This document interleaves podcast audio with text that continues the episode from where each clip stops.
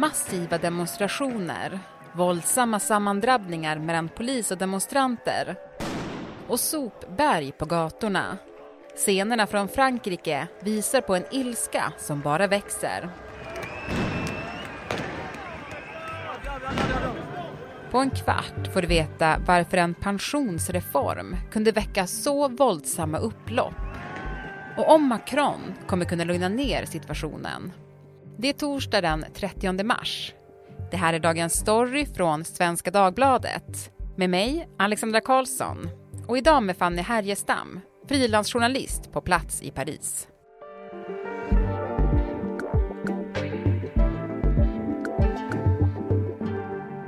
Du Fanny, det är så eh, kul att få prata med dig igen, så det är nästan som att jag inte riktigt kan komma in på den här franska politiken vi ska prata om, för att jag blev så glad att se dig. Ja men detsamma, jag är väldigt glad att vara här mm. igen. Mm. Ja men vi har ju saknat dig, du är ju en gammal Dagens Story-räv. Just det. Men nu kanske du befinner dig i ditt naturliga habitat, nämligen Frankrike och Paris. Ja, jag är här nere i eh, tumultet Ja men precis, det är ju minst sagt eh, lite stökigt eh, i Paris får man väl säga. Och jag har hört att liksom, det finns ett sopberg där på Paris gator som bara växer. Ja men det stämmer. Det, mm, det har varit eh, tonvis med sopor senaste tiden som ligger kvar på gatorna eftersom sophämtarna strejkar. Och det här har blivit liksom ett eh, verkligt sanitetsproblem i Paris och det, ja, men det stinker verkligen. Jag har rört mig väldigt mycket runt om i Paris, både liksom med öppet fönster i taxi och promenerat mycket och sopbergen är enorma. De är högre än vad jag är. Ja. jag är rätt kort, men ändå. Ja men, ja men precis, du är ju inte jättelång, men du är ändå 1,60 så det är ganska stora sopberg då får man väl ändå säga. Ja. Men du, eh, som jag sa, alltså när man följer det här hemifrån så beskrivs det ju verkligen som kaosartat i Paris. Är det det? Ja, men det har det varit eh, i anslutning till demonstrationerna. Man ska komma ihåg att det är inte hela Paris som har stått i brand, men eh, liksom vissa centrala delar av Paris har varit eh, väldigt dramatiska. Och så ska man komma ihåg också att eh, det har demonstrerats och varit väldigt våldsamt på andra ställen runt om i Frankrike också, inte bara i, i huvudstaden. Många skadade, både poliser och demonstranter, hundratals eh, gripna och så många fransmän som är fullständigt förskräckta över den här den här förstörelsen som, eh, som vi har sett. Eh, jag tänker på mm, eh, i Bordeaux till exempel, inte långt från där jag bor i södra Frankrike nu. Där har liksom en sån här legendarisk gigantisk träport på borgmästarhuset som är något av en sevärdhet i Bordeaux. Den har nästan brunnit upp. Så det är många Bordeauxbor som har liksom strömmat dit och ledsna och förskräckta stått och tittat på den här porten dagarna efter förra torsdagen när det var väldigt våldsamt. Mm. Så det är inte alla fransmän som är arga? Nej, det är det inte. Men också många som inte demonstrerar stödjer ändå demonstrationerna, ska man komma ihåg. Mm. Ja, men vi kanske ska stanna och försöka recapa lite. Alltså de här protesterna handlar ju alltså om en pensionsreform som eh, Macron, alltså Frankrikes president, har baxat igenom. Eh, den innebär att fransmän måste jobba till 64 år från 62 som det är idag. Alltså för en svensk Fanny så låter det ju lite konstigt att en sån reform kan skapa såna här massiva och våldsamma protester. Mm, jo men så är det, jag håller med. Eh, men här i Frankrike är det här en extremt känslig fråga. Macron är långt från den första som har försökt göra om pensionssystemet. Väldigt många har backat just på grund av liksom gigantiska eh, demonstrationer och kravaller. Il faut le faire maintenant et il faut le faire ensemble. Året är 1995. Je vous demande donc och dåvarande premiärminister Alain Juppés förslag om att höja den franska pensionsåldern utlöser generalstrejk och vilda protester. I tre veckor lamslår strejken Paris kollektivtrafik och regeringen tvingas till slut att backa från förslaget. 2007 och pensionsfrågan är åter på den franska politiska dagordningen. Efter stora protester och strejker tvingas landets president, som nu heter Nicolas Sarkozy, dra tillbaka ett förslag om höjd pensionsålder. Comment voulez-vous qu'on puisse continuer en promettant la retraite à 60 ans. Comment voulez-vous qu'on puisse... Tre år senare går förslaget igenom. Pensionsåldern höjs från 60 till 62 år. Men Sarkozy förlorar makten i det efterföljande valet. 2014 är det Sarkozys efterträdare, president François Hollande, som rör upp känslor med ett pensionsförslag. Den här gången rör det inte själva pensionsåldern, men förslaget väcker ändå starka reaktioner. Och 2023 är det alltså dags igen. I mitten av mars tar premiärminister Elisabeth Born med bestämda steg plats i talarstolen i den franska nationalförsamlingen. La parole est à madame la première ministre. Budskapet är tydligt. Den omstridda höjningen av pensionsåldern till 64 år kommer att drivas igenom med dekret, alltså utan omröstning. Messieurs les députés. Talmannen bryter för att lugna ner situationen. Men premiärminister Born tvingas ändå avsluta sitt tal så här. Et parce que je crois dans la démocratie parlementaire, c'est sur votre réforme, sur le texte du Parlement. Men jag tänker då, eh, är det folk är mest upprörda på att Macron eh, liksom baxnade igenom det här själv? Det var ju via ett dekret då, han gick inte via parlamentet utan han bestämde själv, nu ska vi köra igenom den här reformen.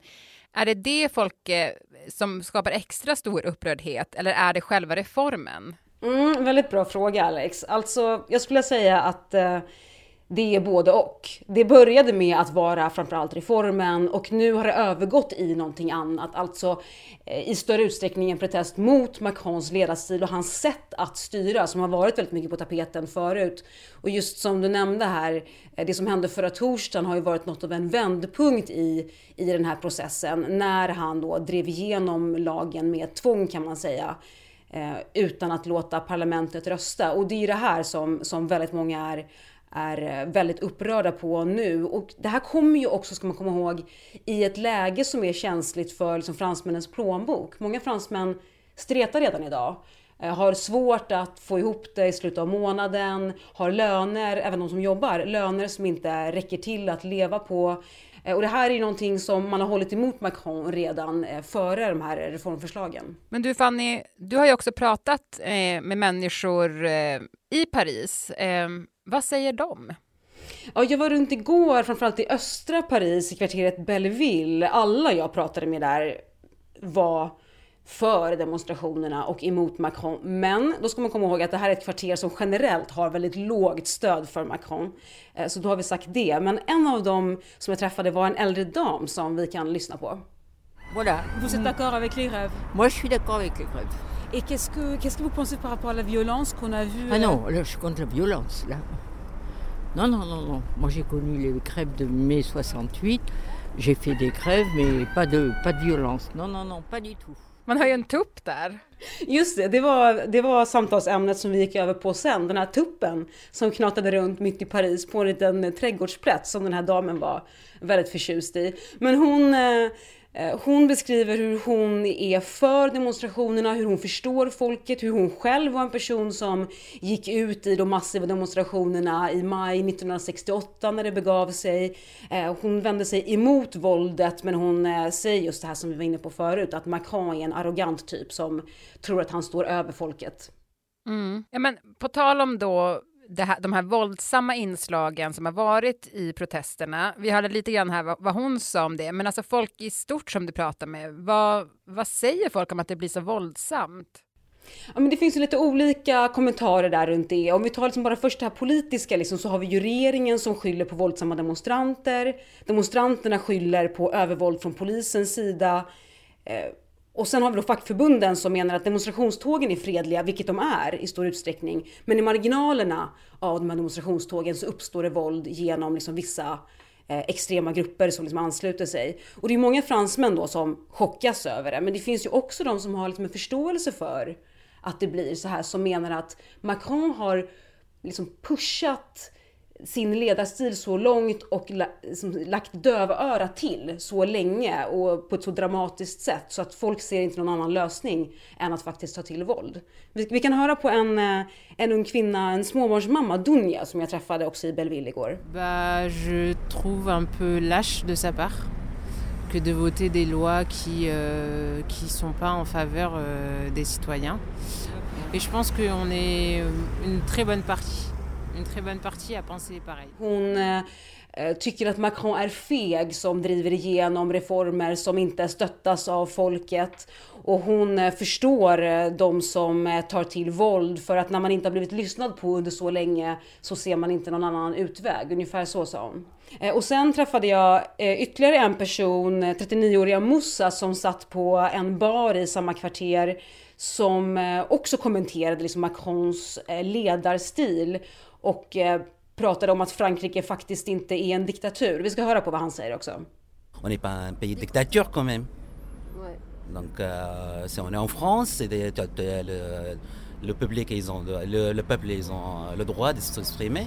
Donc tu m'imposes des trucs comme ça, bah, ça sert à quoi alors faire euh, élection et voter 5 ans, dépenser l'argent på rien. Bah, reste à 20 ans, 30 ans. Comme... Han eh, har ett eh, tungt arbete, jobbar på en lagerlokal och är liksom en av dem som kommer som kommer ha det liksom kämpigt med att jobba eh, två år till. Men han säger här, eh, vi bor ju inte i en diktatur, eh, man kan inte tvinga igenom en sån här sak. Vad spelar det annars för roll att rösta var 50 år om eh, man ändå inte kan göra sig hörd?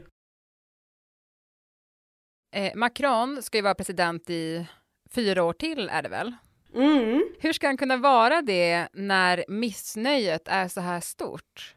Ja, men det är den frågan som alla ställer sig nu och Alex, jag kommer inte kunna ge något briljant svar på den här frågan. Men, men, men det ser onekligen väldigt svårt ut för honom nu. Alltså, han har inte så många vägar. Det som vi vet eh, i princip det är att Macron kommer inte liksom, stiga ner från tronen. Han kommer fortsätta vara president. Och vi ska komma ihåg att han kan inte enligt grundlagen väljas om. Så han har ju varit tydlig också med att han struntar i om han inte är populär. Han kommer driva igenom den här reformen ändå, har han sagt nu eh, den senaste tiden. Men frågan mm. är ju, precis som du är inne på Alex, alltså vad mer kan han göra efter det här? Nu när hans regering inte har hittat stöd i parlamentet för att rösta igenom det här, kommer de hitta det där stödet för andra reformer som de vill göra? Eh, det är mm. oklart just nu. Men kommer han inte behöva göra någonting för att ändå lugna situationen?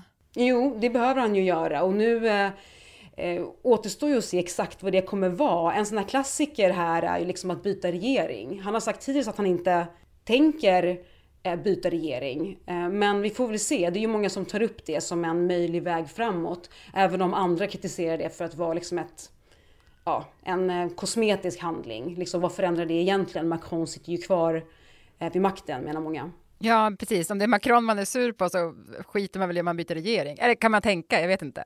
Ja, men det kan tas lite som en gest att han faktiskt gör någonting. Um, och, men fackförbunden beskriver det sådär som att han liksom ena dagen ger dem en örfil och andra dagen klappar dem på kinden. Det är lite, uh, det är lite dubbla budskap där från, från presidenten, hur, hur mycket han verkligen vill prata med dem. Mm. Eh, men de här protesterna, de ser ut att fortsätta eller? Ja, som det ser ut nu så fortsätter de. Ehm, eh, vi har ju sett tidigare exempel på hur våldsamma protester dör ut i Frankrike, ofta efter att presidenten eh, tar ett steg mot gatan i någon form. Vi får väl se nu vad det steget blir från Macrons sida. Men du Fanny, vad kommer du fortsätta göra nu då i Paris? Jo, men jag kommer följa det här som vi har pratat om ehm, och vidare kolla in sopbergen. Och sen ska jag faktiskt försöka ta mig tillbaka till eh, södra Frankrike. Men eh, bara det är ett eh, äventyr och en resa ut i det okända kan man säga. För att strejkerna rör ju till väldigt mycket transporterna här. Så vi får se om jag tar mig tillbaka hem nu i dagarna. Vi önskar dig lycka till. Tack så mycket. Erika Hallhagen var redaktör. Och du Moa Larsson, du producerade ju dagens program. Ja. Mm. Det går ju att mejla oss på dagensstory.svd.se och det vill du gärna att folk gör Moa, eller hur? Ja men precis. Vi eh, vet ju att det är många som lyssnar på podden. Men vi skulle gärna vilja ha lite mer lyssnarkontakt. Och om det är något särskilt som man vill att vi ska ta upp. Vi gör ju inte bara sådana program som ligger precis i nyhetsflödet. Så det är välkommet. Och då lovar du att svara Moa om man mejlar? Helt klart. Härligt. Och klippen i avsnittet kom från Guardian, France 24, CNN och Le Parisien.